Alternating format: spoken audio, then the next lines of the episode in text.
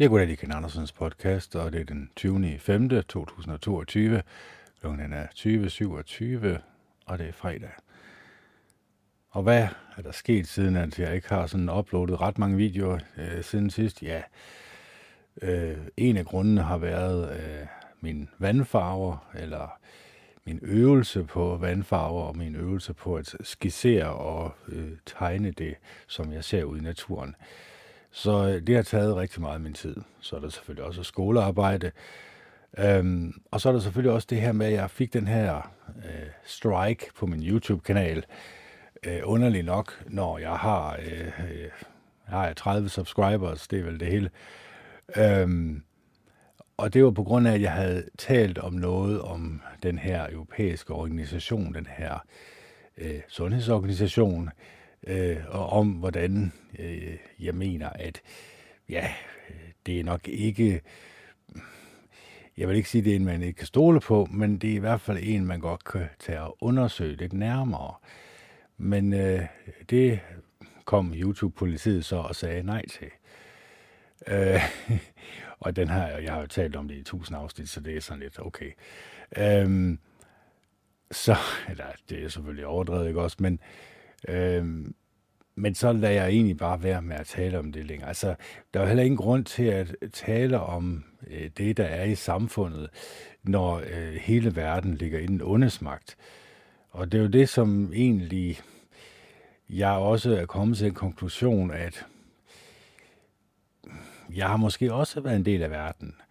Jeg har måske også øh, taget lidt for meget af retterne, så at sige øh, den her skraldespand, eller skrald fra skraldespanden, som jeg kalder den, som øh, alle mennesker mere eller mindre øh, tager af og spiser af. Hvad, består, hvad består skraldespanden så af, må du måske spørge. Ja, det har jeg sagt tusind gange før, men jeg vil gerne sige det igen. Øh, den består af øh, voldelige computerspil og voldelige film, og film, som portrætterer menneskers dårlige og negative egenskaber, øh, som noget, man kan lade sig underholde med. Øh, samt de asociale medier, Facebook, Twitter, Instagram, er det danske skrald, og så selvfølgelig også det mainstream familie, der konstant fortæller dig øh, løgne om, hvad du øh, skal frygte, og fortæller dig løsningen på din frygt. Det er ting fra skraldespanden, som jeg mener, man skal holde sig fra. Og øh, jeg mener også, det er Bibel. Øh, det er fund, fundamentet, kan man læse i Bibelen, for det jeg siger. Øh, en af de skriftsteder, som vi skal øh, tale om i aften, det er fra øh, Jakobs brev. Øh, det her det er det første kapitel, og øh, vers 19, der står her, Dette skal I huske, mine elskede brødre. En hver skal være hurtig til at lytte, men langsom til at tale, og langsom til at blive vred. For vrede fører ikke til, at man gør det, der er rigtigt i Guds øjne. I skal derfor aflægge al urenhed, fjerne alle spor af ondskab, og med mildhed tage imod Guds ord, der plantes i jer, og som er i stand til at frelse jer. Så øh, der bliver egentlig sagt her, vi skal, vi skal være hurtige til at lytte, men langsomt til at tale. Det betyder jo ikke, at vi skal lytte til alt tale. Altså, det er jo sådan, at de mennesker, der ikke tilbeder Jehova Gud, eller de mennesker, som ikke læser i Bibelen og prøver at leve efter den, de bliver påvirket et andet sted fra. Det har jeg også forklaret tidligere, hvor de bliver påvirket fra. Så at øh, tage deres mening, det betyder ikke, at, at jeg skal tage det på mig, forstået på den måde, at det skal være min mening, det her, øh, den som de har fordi jeg ved, hvor den mening kommer fra. Jeg mener jo, at langt de fleste mennesker øh, rundt på hele jorden er programmeret øh, i det her matrix, hvor at øh, der er et hovedkvarter, som egentlig bestemmer, hvilke emner I har, lov, I har lov til at tale om, og øh, hvilke valgmuligheder det giver jer.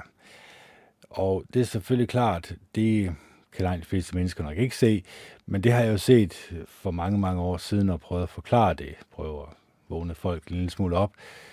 Øhm, men jeg har så også kommet til en konklusion, at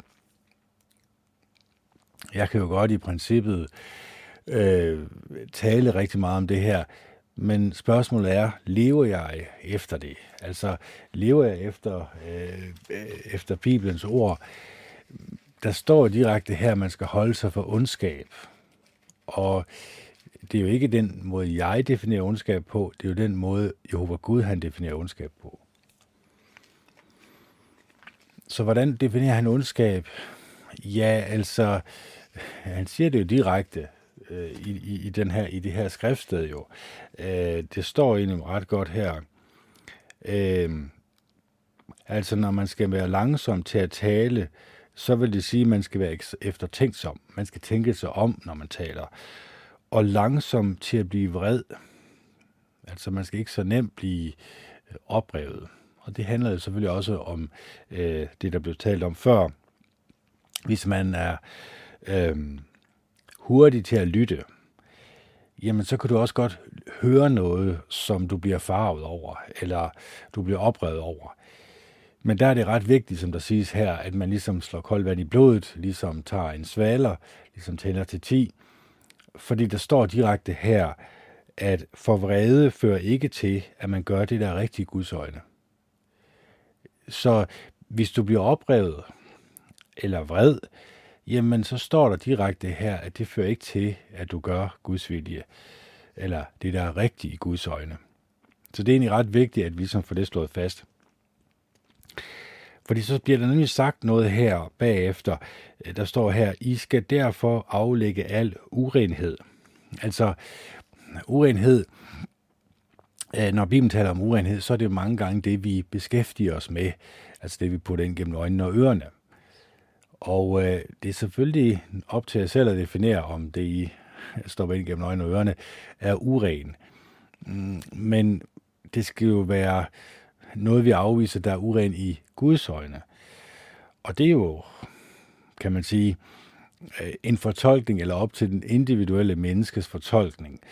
Jeg er udmærket godt klar over, at Jehova Gud han har selvfølgelig en standard, men, men jeg kan jo godt sige til dig, at du skal overholde det og det og det, og du skal lade være med det og det og det, men det vil jo ikke være særlig kærligt af mig. Det er jo heller ikke den måde, vi skal øh, leve efter Guds ord på. Nej, vi skal sådan set leve efter Guds ord øh, selv, og så skal vi jo egentlig lade andre mennesker selv bestemme.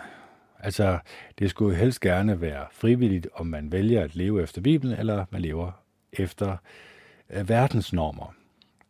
Fordi som jeg nok har øh, kunne fornemme, øh, så har det nok været det her op i tiden med øh, kvinders øh, ret til, hvad der gror inde i dem selv, øh, og den nye forståelse, der er kommet ned fra det her europæiske organ. Og, øh, og at nu kan de få foretaget det, vi kan kalde en, øh, ja, en slåen ihjel af det her lille barn, allerede op til nærmest fødslen, var jeg vil sige. Øhm, og jeg er ude man godt klar over, hvad Gud han mener om det. Altså, øh, Øh, Gud han mener jo, at lige så snart undfangelsen, undfangelsen er sket, jamen så er der et nyt liv øh, kørende, og det ser han som meget dyrebart. Og det ser han jo direkte som en mangel på respekt for livets gave, hvis man vælger at øh, slå det her øh, lille ufødte barn ihjel. Så det er egentlig ret simpelt, det han mener. Så kan I jo prøve at se, om I kan finde en anden øh, fortolkning af det i Bibelen, men det er i hvert fald den konklusion, jeg er kommet til. Jamen så er det også klart, så skal jeg jo holde mig så langt væk fra ikke kun de mennesker, øh, men også de organer, øh, som spyr den her propaganda ud igennem massemedierne. Øh, så skal jeg vel egentlig heller ikke blande mig i det, fordi det er jo det, der er øh, farligt. Der står jo direkte i Bibelen, øh, gå ud fra hende, mit folk, for at de ikke skal få del i hendes plager, som vil komme over hende. Altså, vi skal gå ud fra det her åndelige syge sted. Og det er helt ud. Det kan godt være en lidt øh, barsk oplevelse. Hvorfor? Jamen, fordi jeg kan godt lide de mennesker, jeg møder på min vej. Altså, jeg kan godt lide at øh, tale med dem, jeg kan godt lide at interagere med dem, og, og også lytte til dem, hvad de har at sige, og også blande mig i samtalen, så at sige. Men der kommer det jo lidt, der er lidt problematisk, hvis jeg blander mig i samtalen. Deltager jeg så ikke også i samtalen? Eller giver jeg ikke også min mening øh, til besøg med? Jo, det er selvfølgelig rigtigt nok. Men jeg skal jo gøre mig selv sådan øh, forståelig over for andre mennesker, den mening jeg nu har, men jeg skal selvfølgelig også respektere andre menneskers mening.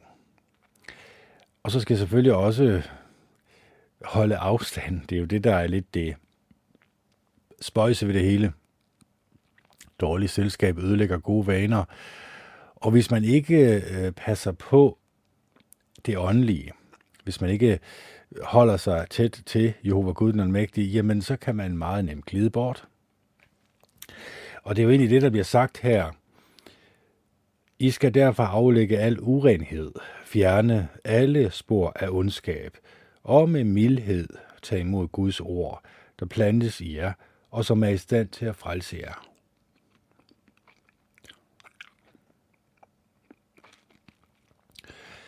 Men I skal gøre det, Guds ord siger, og ikke bare høre det.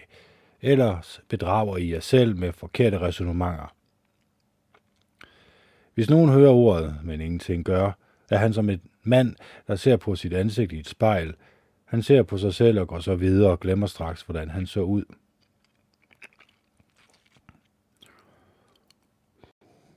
Ja. Men den, der omhyggeligt undersøger den fuldkommende lov, som fører til frihed, og bliver ved med at gøre det, være med at gøre det, eller bliver ved med at gøre det, den siger, er ikke en, der hører og så glemmer. Nej, han gør det, han bør gøre, og det gør ham lykkelig. Hvis nogen mener, at han tilbeder Gud, men ikke styrer sin tunge, bedrager han sit eget hjerte, og hans tilbedelse er ikke noget værd. Dette er den form for tilbedelse, der er ren og ubesmittet for vores Gud og Far, at tage sig af forældreløse og inker i deres vanskelige situation, og at holde sig uplettet af verden. Og igen bliver vi mindet om, holde os uplettet af verden. Ja, øhm, det kan jo godt være vanskeligt. Og nu står der jo her, at jeg skal tage mig af øh, forældreløse og enker. Det bliver jo også lidt vanskeligt for mig at gøre, fordi hvis jeg hjælper enker og øh, forældreløse, eller ja, forældreløse og enker i deres vanskelige situation, jamen så går jeg jo egentlig ud i verden og interagerer, gør mig til venner med de mennesker i verden, som ikke tilbeder Jehova Gud, og som i princippet heller ikke ønsker det. Det kan jeg jo sige øh, ret stålsikkert. Hvorfor? Fordi at øh, jeg i, hvad var det, det var, 12-14 år, øh, var et af Jehovas vidner, og jeg kan jo selv se, hvor mange mennesker, der i realiteten blev Jehovas vidner i forhold til alle dem mm, tusind timer, man brugte i forkyndelsen hver weekend. Så, øhm, så der bliver forkyndt i Danmark, det er fuldstændig rigtigt. Men mennesker tager ikke rigtig imod øh, øh, de her ord fra Bibelen. De ønsker ikke rigtig at leve efter dem. Og så kan man sige, skal man så øh, fortsætte med at øh, tale om Guds ord? Ja, selvfølgelig skal man det. Men ja, når jeg nu er klar over, at budskabet er så polariserende, altså at budskabet, der kommer fra Bibelen, øh, gør, at mange mennesker øh, kommer til at ikke kun tage afstand fra mig, men også hade mig og mit budskab. Og jeg vil godt være lidt af mennesker. Det vil vi jo alle sammen. Vi bryder os ikke om, når andre mennesker ikke bryder os om os. Øhm, så derfor er der nogen overordnet grund til, at jeg skulle forkynde øh, over for mennesker, som alligevel ikke gider at høre. Ja, det kan man jo sige, at i fortiden har der været eksempler på det. I fortiden har der været eksempler på, at øh, Guds profeter øh, nærmest ikke, jeg vil ikke sige, blev tvunget, det gjorde de på en eller anden måde jo. Øh, Jonas, som vi skal have øh, senere her øh, i aften, han blev jo tvunget på en måde, som må man sige er frivillig tvang. Altså, øh, for det første så flygtede han jo fra Jehova Gud, øh, fordi han skulle overbringe det her budskab til øh, Nineve. Han skulle overbringe det her øh, domsbudskab til Nineve, fordi at øh, Gud havde besluttet, at den by skulle øh, tilindegøres. Fordi at den ondskab, der var i byen, var så omsatsfattende og ødelæggende, at øh, det var vanskeligt for Jehova Gud at se igennem fingre med det. Men øh, Jonas han vidste jo udmærket godt, at de her mennesker var ondskaben selv, øh, så det var ikke det lagde ikke sådan ud for hans fantasiverden at kunne forestille sig de grusomheder, han kunne blive udsat for, hvis han forkyndte Guds domsbudskab over dem. Så han flygtede i den anden retning. Han øh, tog med en, en båd eller et skib ud, og øh, de blev så udsat for en meget voldsom storm. Og de her folk, de øh, kastede lod om, hvem der var skyld i den her storm. De troede alle sammen på nogle afguder. Og der måtte Jonas jo indrømme, at det var hans Gud, Jehova, øh, som øh, var imod ham. Altså, øh, som var imod øh, hans flygten fra det her budskab, som han, øh, som han skulle overbringe. Så de smed ham over bord, og en øh, kæmpestor fisk slugte ham, øh, og var, han var i den fisk i, var det tre dage, hvor, øh, fisken, hvor efter så fisken den spyttede ham op på land. Og derefter, så følte øh, Jonas sig sådan tilskyndet til lige pludselig, at okay, nu kunne han godt lige overbringe øh, budskabet. Fordi han havde selvfølgelig også bedt for sit liv ind i den her fisk, det er da klart. Hvem vil ikke gøre det? Øhm, så frivillig tvang, ja, man kan godt sige, at øh, Jonas blev på en eller anden måde vredet lidt om på armen, at øh, det, det var altså det her budskab, som han skulle overbringe. Og da han så overbragte det her budskab, ja, så viste det sig jo så, at Nineves indbyggere vendte om. Øh, kongen, han klædte sig i sikker aske og angrede alt det her ondskab, han havde gjort. Og det gjorde befolkningen også. Men det gjorde så også, at Jonas blev meget vred øh, på, at de havde taget positivt imod det her domsbudskab. At de havde vendt om fra deres ondskab, Øh, fordi nu havde han jo ligesom brugt øh, tid og kræfter på at overbringe det her domsbudskab, og nu vil han også gerne se, at Gud han eksekverede hans øh, dom over de her øh, onde mennesker. Så han kunne ikke rigtig se, at øh, hans budskab faktisk havde vendt mennesker om, at de faktisk var begyndt at blive mere næstekærlige, mere rare, og man kan selvfølgelig også sige, ja, senere hen, der skete der jo det, at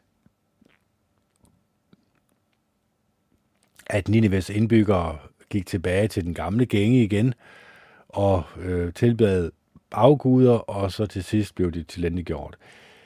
Men, men moralen af historien er selvfølgelig, at forkyndelse, ja, det kan vi jo egentlig godt sige er øh, nødvendig. Men det er også igen det.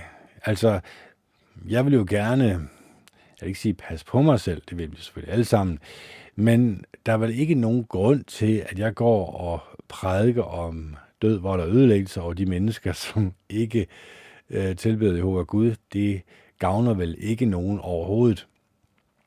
Det gavner vel heller ikke, at jeg går rundt og fortæller om et paradis her på jorden, som snart bliver indført, hvor alle øh, andre riger, øh, alle andre religiøse organisationer vil blive tændiggjort i den store øh, krig ved Armageddon.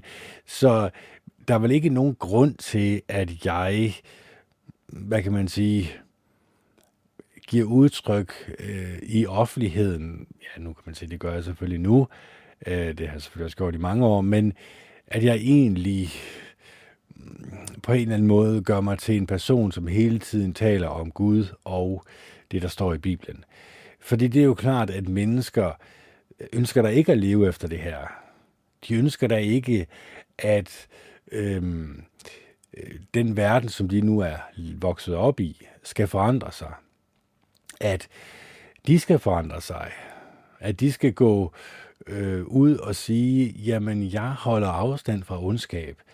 Jeg ønsker ikke at have noget med ondskab at gøre i nogen form. Selvfølgelig, det lyder godt på papiret, ikke også? Men i virkeligheden, hvis du analyserer dig selv, hvad du putter ind gennem øjnene og ørerne, så vil du nok komme til den konklusion, at ja, nogle gange, så, så sker det altså, at, at jeg kommer til at se en voldelig computerspil, eller voldelig film, eller et eller andet, hvor det er de negative menneskelige egenskaber, som vi øh, lader os underholde med. Altså den her form for ondskab, som jo var Gud han fordømmer.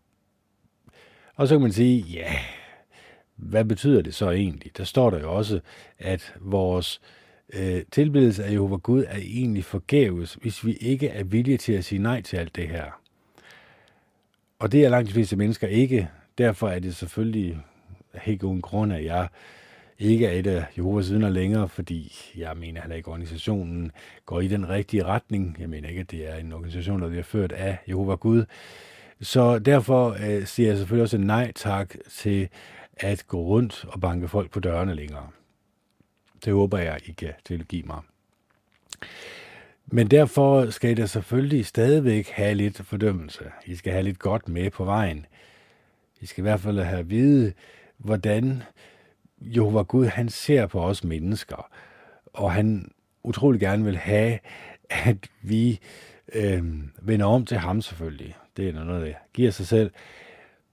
Og, og når man sådan deler det op, og så læser det her, jamen, så kan vi jo godt se, at det, det er noget vanskeligt noget at leve op til. Vi kan godt, vi kan godt mærke, hvor skoen den trykker. Og det kan man jo også, når jeg i øh, næst her læser op af Jakob det andet kapitel her. Der står, Mine brødre, kan det passe, at I tror på vores store Herre Jesus Kristus, samtidig med, at I gør forskel på folk. Hvis en mand, der har guldring på fingrene og er klædt i fornemt tøj, kommer ind til jeres møde, og der samtidig kommer en fattig mand i snavsetøj, tager I så godt imod den, der har det fornemme tøj på og siger, du kan sidde her på en god plads, mens I til den fattige siger, du kan bare blive stående, eller sæt dig her ved siden af min fodskammel. Hvis I bærer jer sådan ad, har I så ikke klasseskæld iblandt jer, og er I ikke blevet dommere, der træffer onde afgørelser. Igen, det bliver skåret, skåret ud i pap, det her. Altså, forskel behandler vi folk. Altså, Øh, favoriserer vi de mennesker, som er pænt klædt på, i forhold til de mennesker, som ikke er så pænt klædt på det, det kunne godt øh, tænke sig, altså, jeg ved ikke rigtigt, jeg har det også sådan lidt, når jeg sådan skal analysere mig selv, så kan jeg også godt se, der er nogle gange, hvor jeg også favoriserer andre mennesker. Øh, det har nok også meget med deres personlighed at gøre, selvfølgelig. Ikke så meget på deres ydre. Men det er selvfølgelig klart, jeg bliver jo nødt til at øh, man kan sige, tage en lille smule afstand fra de mennesker, som ikke øh, læser i Bibelen og ikke tager øh, de her ting, som er i Bibelen, alvorligt. Og så på den anden side igen, så skal jeg selvfølgelig heller ikke øh, Øh, være så afvisende, at jeg bliver sådan et kold og kynisk menneske. Så det er sådan lidt en, en balancegang, man skal have, øh, hvor at jeg hele tiden analyserer situationen og hele tiden øh, spørger mig selv, er det her nu også godt og gavnligt for dig, Kenneth? Er det her godt og gavnligt at deltage i? Øh, er det godt øh, for dig i din tilbedelse af Jehova Gud? Fordi de spørgsmål, synes jeg jo er ret gode og ret opbyggende at stille sig selv. Fordi det opbygger jo et godt forhold til Jehova Gud, når vi øh, ikke kun er en, øh, en hører, men også en gerningens gør, så der, som der siges her. Hør nu her, mine elskede brødre, er det ikke dem, verden betragter som fattige, Gud har udvalgt til at være rige, hvad troen angår, og arvinger til riget, det rige, som han har lovet dem, der elsker ham. Men I har behandlet de fattige respektløst. Er det ikke de rige, der undertrykker jer? og slæber jer for, domstol, eller, og slæber jer for domstolene. Er det ikke dem, der taler blasfemisk om det smukke navn I bærer? Hvis I nu følger den kongelige lov, der nævnes i skriftstedet, du skal elske dit medmenneske som dig selv, gør I godt. Men hvis I bliver ved med at gøre forskel på folk, begår I en synd, og I bliver dømt skyldig af loven. Hvis en holder hele loven, men fejler på bare et punkt, har han overtrådt hele loven. For den, der sagde, du må ikke begå ægteskabsbrud, sagde også, du må ikke myrde. Hvis nu du ikke begår ægteskabsbrud, men myrder, har du overtrådt loven. Bliv ved med at tale og opføre jer som nogle, der skal dømmes efter et frit folks lov, for den, der ikke viser barmhjertighed, vil selv få en ubarmhjertig dom. Barmhjertigheden sejrer over dommen. Hvad nytter det, mine brødre, hvis en siger, han er tro, men ikke viser den i handling? Den tro kan ikke frelse ham, vel? Hvis en bror eller en søster mangler tøj og ikke har mad nok til hele dagen, og en af jer siger til dem, gå i fred, sørg for at holde jer varme og at spise godt, men ikke giver dem det, de har brug for, hvad nytter det så? Sådan er det også med troen. Hvis man ikke viser den i handling, er den død. Men en vil måske sige, du har tro, og jeg har handlinger.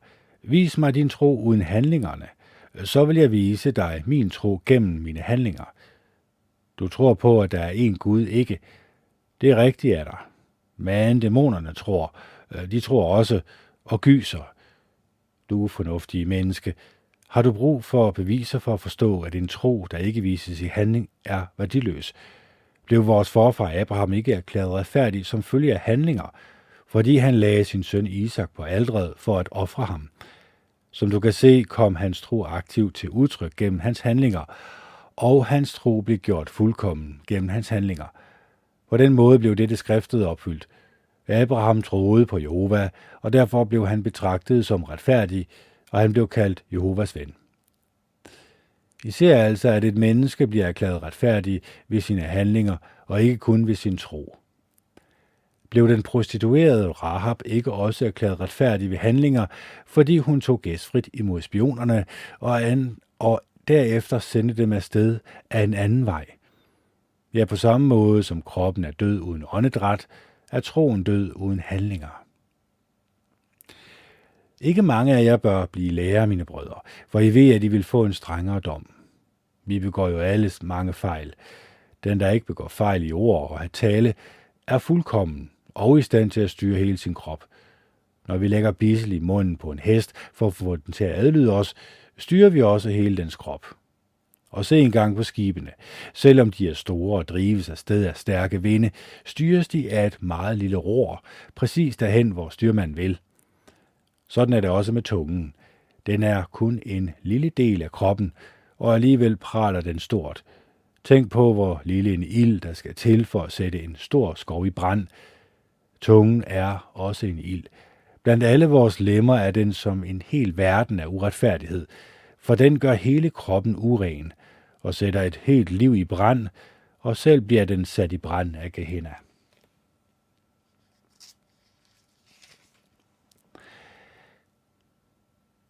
Alle slags vilde dyr, fugle og krybdyr og havdyr kan tæmmes og er blevet tæmmet af mennesket.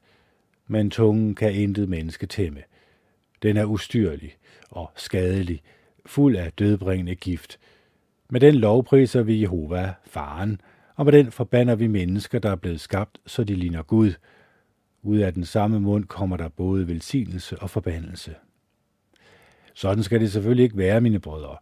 En kilde lader ikke frisk vand, og bittert vand kommer op af samme hul, vel? Mine brødre, et fintræ kan ikke bære oliven, og, et, og en vinstok kan ikke bære finer, vel? En kilde med saltvand kan heller ikke give ferskvand. Hvem er jer at vise klog? Lad ham gennem sin gode opførsel vise, at han har handlinger, der udspringer af en mildhed, der kommer af visdom. Men hvis jeres hjerte er fuld af bitter misundelse og en fjendtlig indstilling, så lad være med at prale og at lyve mod hinanden.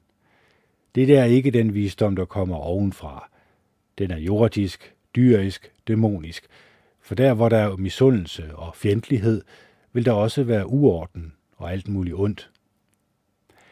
men visdommen ovenfra er først og fremmest ren.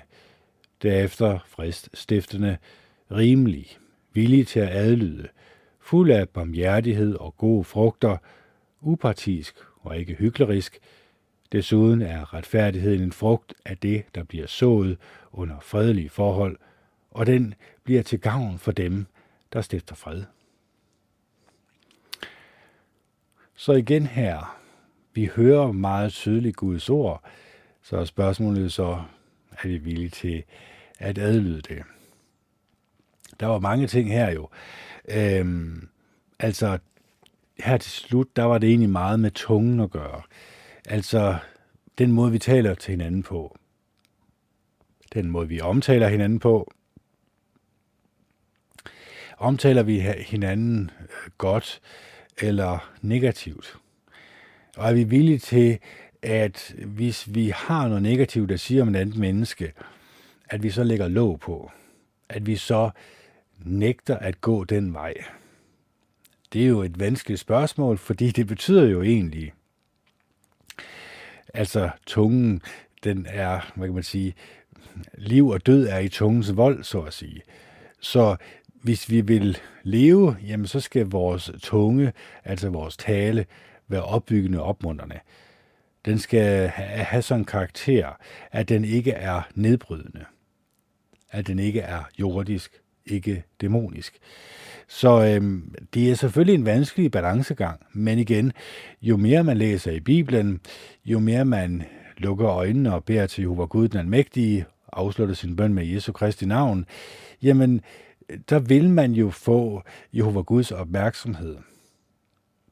Og når man får Jehova Guds opmærksomhed, så kan han også give af sin hellige ånd til et menneske, som ønsker at øh, leve efter hans ord, og ikke efter de ord, der er i verden.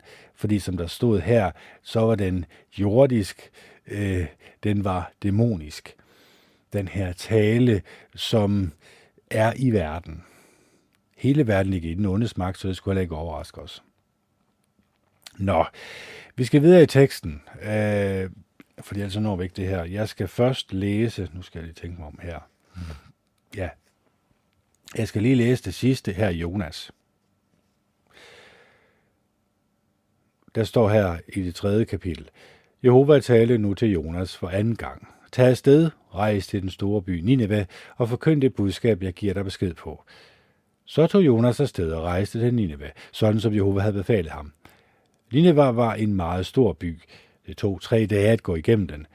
Jonas gik ind i byen, og han gik en hel dag, mens han forkyndte, om kun 40 dage vil Nineve blive ødelagt. Indbyggerne i Nineve fik så tro på Gud, og de udråbte en faste og tog sækkelæret på øh, fra den største til den mindste iblandt dem. Da budskabet nåede frem til Nineves konge, rejste han sig fra sin trone, tog sine kongelige klæder af, klædte sig i sækkelæret og satte sig i asken. Desuden lod han denne proklamation gå igennem hele Nineve. Kongen og hans stormænd har vedtaget dette dekret. Hverken mennesker eller dyr, okser eller får må spise noget som helst. De må ikke indtage føde, og de må heller ikke drikke vand. Lad både mennesker og dyr blive klædt i sækkelæret, og lad dem råbe inderligt til Gud og vende om fra deres ondskab og holde op med at opføre sig voldeligt. Hvem ved, måske vil den sande Gud overveje eller genoverveje det, han har tænkt sig at gøre, og give slip på sin brændende vrede, så vi ikke bliver udslettet. Da den sande Gud så, hvad de gjorde, at de var vendt om fra deres ondskab, genovervejede han den katastrofe, han havde sagt, at han ville bringe over dem, og han lod den ikke komme. Men det var Jonas meget utilfreds med, og han blev rasende. Han bad derfor til Jehova. Åh Jehova, var det ikke netop det, jeg tænkte, da jeg var hjemme i mit eget land? Det var jo derfor, jeg først flygtede til Tarsis. Jeg vidste jo, at du er en medfølende og barmhjertig Gud, der ikke hurtigt bliver vred, men er fuld af lojal kærlighed og ikke ønsker at bringe ulykke over nogen. Tag nu mit liv, Jehova, for jeg vil hellere dø end leve. Jehova spurgte, har du grund til at være så vred? Jonas gik så ud af byen og slog sig ned øst for den. Der lavede han sig en lille hytte, og han satte sig i den skygge for at se, hvad der ville ske med byen. Jehova Gud fik så en flaske græskar plante til at skyde op og kaste skygge over Jonas' hoved, og befri ham for hans dårlige humør. Og Jonas blev meget glad for flaskegræskarplanten. Men da det begyndte at blive lyst næste dag, sendte den sande Gud en orm, som angreb flaskegræskarplanten, så den visnede. Da solen begyndte at skinne, sendte Gud desuden en glående varm østenvind, og solens stråler brændte ned på Jonas' hoved, og han var lige ved at besvime. Han blev ved med at bede om, at han måtte dø, og han blev ved med at sige, jeg vil hellere dø end leve. Gud spurgte Jonas, har du grund til at være så vred over det, der er sket med flaskegræskarplanten? Han svarede, ja, jeg har god grund til at være vred, så vred, at jeg har lyst til at dø. Men Jehova sagde, du havde ondt af flaskegræskarplanten, som du ikke havde haft noget arbejde med, og som du ikke havde fået til at gro. Den voksede op i løbet af en nat og gik ud i løbet af en nat. Skulle jeg så ikke have ondt af den store by Nineve, hvor der er over 120.000 mennesker, som ikke kan kende forskel på rigtigt og forkert, for uden mange dyr? Og det er så afslutning på Jonas' bog. Altså, Jonas han får ligesom sat tingene lidt i relief her. Han bliver også meget sur oprevet over den her flaskegræskarplante, som så dør. Men skulle øh, Jehova Gud så ikke have medfølelse med de her mennesker? Så Jonas kan nok godt se efter den her i rettesættelse, at han var fejl på den. Han var forkert på den. Han havde lavet hans vrede til over. Og igen, det er også et tema, der går igennem hele Bibelen. At mennesker enten bliver misundelige, de begærer noget, eller de bliver sure og vrede på nogen. Altså det kan misundelse selvfølgelig også føre til. Så det er nogle af de her negative menneskelige egenskaber, følelser, som vi skal passe meget, meget på med. Lige så snart vi føler dem, så skal vi i princippet meget, meget hurtigt bede til Jehova Gud om, at han vil fjerne de her negative følelser fra os.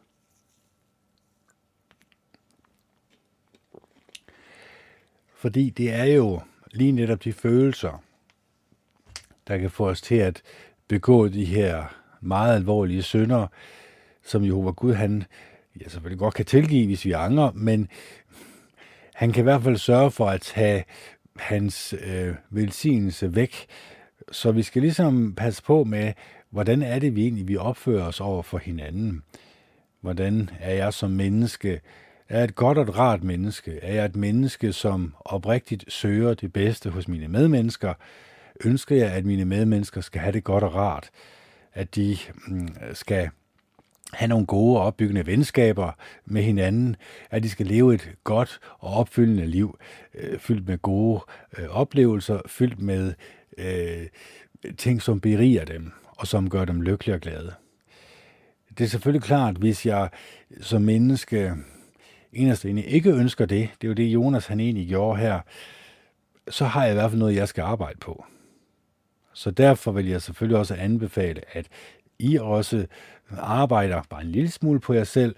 Uha, det er selvfølgelig meget nemmere at pege fingre ud af og, og finde fejl hos alle andre mennesker. Men det er jo nok os selv, vi skal feje for først. Det er jo nok os selv, vi sådan ligesom skal kigge indad og spørge os selv om, jamen øh, er der nogle steder her, jeg kan forbedre mig som menneske? Er der nogle ting, som jeg nu har læst op her de sidste 30-40 minutter, som har ramt plet, hvor I godt kunne mærke, her er noget, som det skuer lidt i ørerne.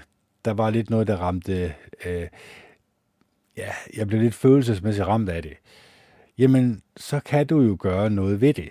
Du kan også vælge at ignorere det. Du kan også vælge at kalde mig navne. Du kan også vælge at sige, at jeg er både dit, du, og dat. Men du kan også vælge at pege fingrene indad, og så spørge, jamen, kunne det være, at jeg havde ret? Kunne det være, at det her med, at jeg ændrer min personlighed til noget, som Jehova Gud han øh, godt kan lide, at det egentlig også kan gavne mig øh, som menneske. At jeg i mine tanker og følelser kan komme et meget, meget bedre sted hen. Et meget mere lykkeligt sted hen, end jeg er i øjeblikket. Så ved at stille sig selv de spørgsmål, så vil jeg i hvert fald våge at påstå, at øh, det kan i hvert fald godt lade sig gøre. Så skal vi til Joshua. Det 8. kapitel, der står her. Så sagde Jehova til Joshua, Vær ikke bange eller skrækslagen. Tag alle krigerne med dig og drag op imod Ej. Jeg har overgivet kongen i Ej, hans folk, hans by og hans land til dig. Gør med Ej og dens konge, ligesom du gjorde med Jericho og dens konge, bortset fra, at I nu må beholde krigsbyttet og husdyrene. Læg nogle mænd i baghold bag ved byen. Og vi husker jo, at øh, før der var der, så vidt jeg husker, øh, en, som stjal noget, som var vidt til udslettelse, og det gik ham ikke særlig godt, og hans familie ikke særlig godt. Så øh, det er jo det her med at begære noget og stjæle noget, det skal man selvfølgelig holde sig fra. Der står her igen, øh, 8.3, Joshua og alle krigerne drog sig op imod Ej. Joshua udvalgte 30.000 dygtige krigere og sendte dem afsted om natten.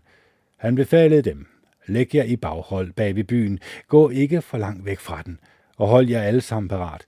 Jeg og alle de mænd, der er med mig, vil nærme os byen, og når de så ligesom sidst kommer ud imod os, flygter vi for dem.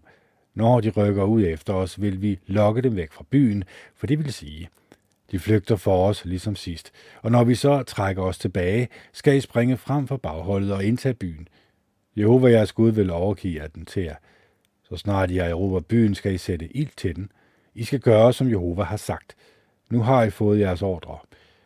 Så sendte Joshua dem afsted, og de lagde sig i baghold mellem Betel og Ej, vest for Ej, mens Joshua blev øh, sammen med resten af hæren om natten.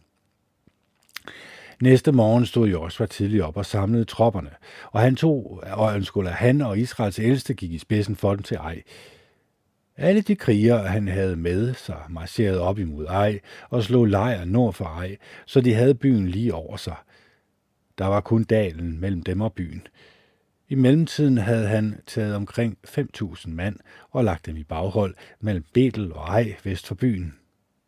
Herren slog altså hovedlejre op nord for byen og placerede bagholdstroppen vest for byen, og Joshua gik den nat ned midt i dalen.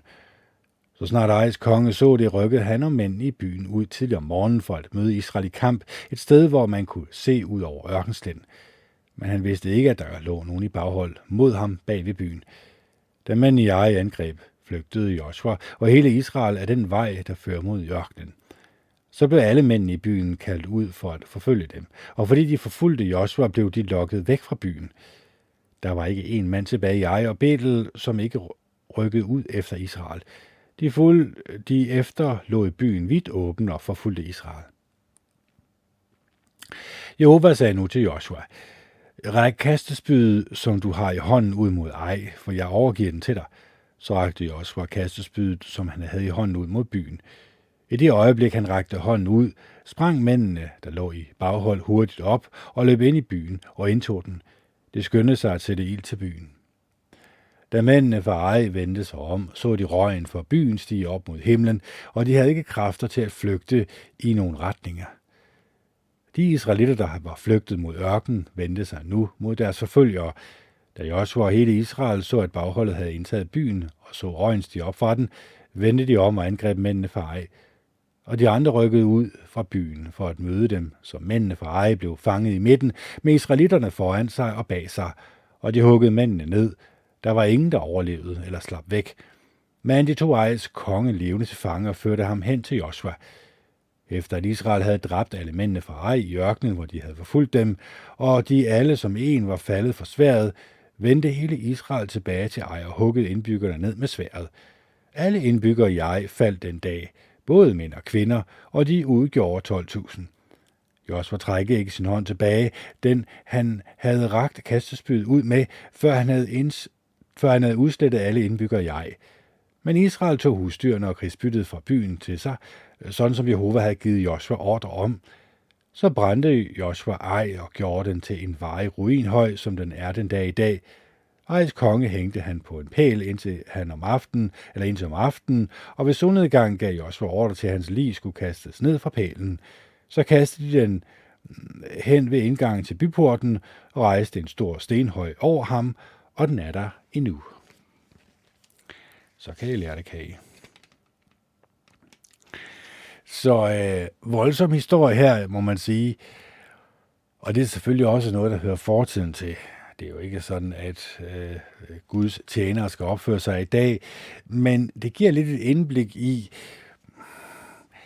altså for det første, vi skal ligesom også stille det her lidt op, fordi som jeg har haft lidt vanskeligheder med i fortiden, men så ikke så meget i dag, jamen, så er der jo en grund til, at jo var Gud, han tillod de her krige. Øh, en, en af grundene var selvfølgelig, at Ejs indbyggere, eller man kan sige Ejs konge, det var jo ren ondskab, de dyrkede. Altså, det var ikke en, øh, det var ikke særlig rare, gode mennesker. Øh, for det første så offrede de deres børn til Molek, lod dem gå igennem ilden, brændte dem levende, og øh, der var jo også teori. Der var mennesker, som var blevet fordærvet i deres sind. Mennesker, som kold og kyniske øh, ikke ønskede noget som helst godt for deres medmennesker overhovedet på nogen måde. Så vi skal ligesom have den stemning in mind. Altså, hvis du blev placeret i den her by med de her meget onde indbyggere, ja, enten så vil du blive øh, slået ihjel af dem, eller tortureret af dem, eller også så vil du blive ligesom dem. Så det var derfor, at øh, der var den her total ødelæggelse. Fordi Jehova Gud, han havde oplevet før, hvor israelitterne ikke havde adlydt, og hvor de havde lavet noget af det blive tilbage, hvor de ikke havde taget øh, og udslettet det hele, og hvor at øh, så har de så taget sig de her kvinder, der var i byen, øh, som hustruer, og så havde de vendt hjerterne om fra Jehova Gud om til de afguder, de så fulgte. Så der var en grund til, at der skulle ryddes ren bord, kan man sige. Der skulle trulles i ren røv. Sjov kendt. Så øh, der er selvfølgelig også en grund til det her. Altså, det er bare for at sige, jamen, Jehova Guds magt er uendelig. Altså, hvis han vil, jamen, så er der ikke noget, der er umuligt i hans øjne.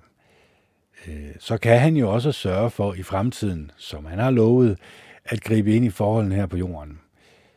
Så er det jo så det spørgsmål, hvor skal vi så stille os hen øh, som mennesker? Og der vil jeg jo sige, det jeg læste til at, til at starte med, at det her menneske, som bliver beskrevet øh, af, hvad hedder det, øh, af Jakob, altså at vi skal have en meget høj moral, at vi skal være nogen, der kan stoles på. Vi skal ikke være nogen, som er tyve, som stjæler, eller som på nogen måde ønsker øh, ondskab i vores liv af nogen som helst art. Det stod der direkte. Vi skulle holde os fri for al form for ondskab. Og det er også det, som vi skal som mennesker tænke os grundigt om i dag, og sige, deltager jeg i noget for nogen form for ondskab, som kunne øh, besmitte mig, som kunne øh, gøre det vanskeligt for Jehova Gud at give af sin hellige ånd til mig. Så det er de spørgsmål, vi skal stille os selv.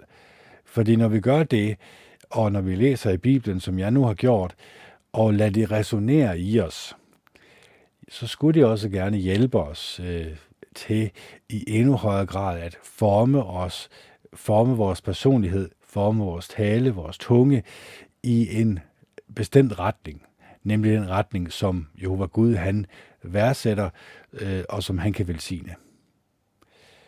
Så jeg håber, min podcast var god og gavnlig for jer. Jeg håber, at I elsker hinanden og er gode og rare ved hinanden.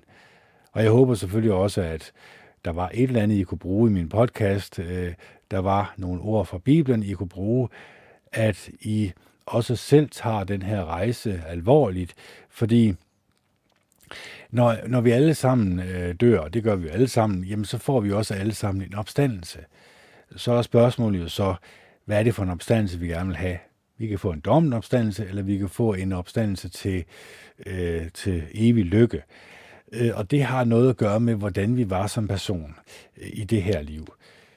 Fordi vi kan selvfølgelig godt sige, jamen, det her med at bevise, at Gud eksisterer, det har jeg ikke ret, haft ret vanskeligheder ved. Det er jo egentlig bare, at vi er jo i øjeblikket øh, 7,8 milliarder mennesker, tallet er nok stedet lidt, og vi stammer alle sammen fra det samme sted. Vi stammer fra et æg og en sædcelle, som så stammer fra et æg og en sædcelle, som så stammer fra et æg og en og osv. osv. Det vil sige, at vi stammer jo fra noget, der kunne placeres på toppen af knapnålshovedet.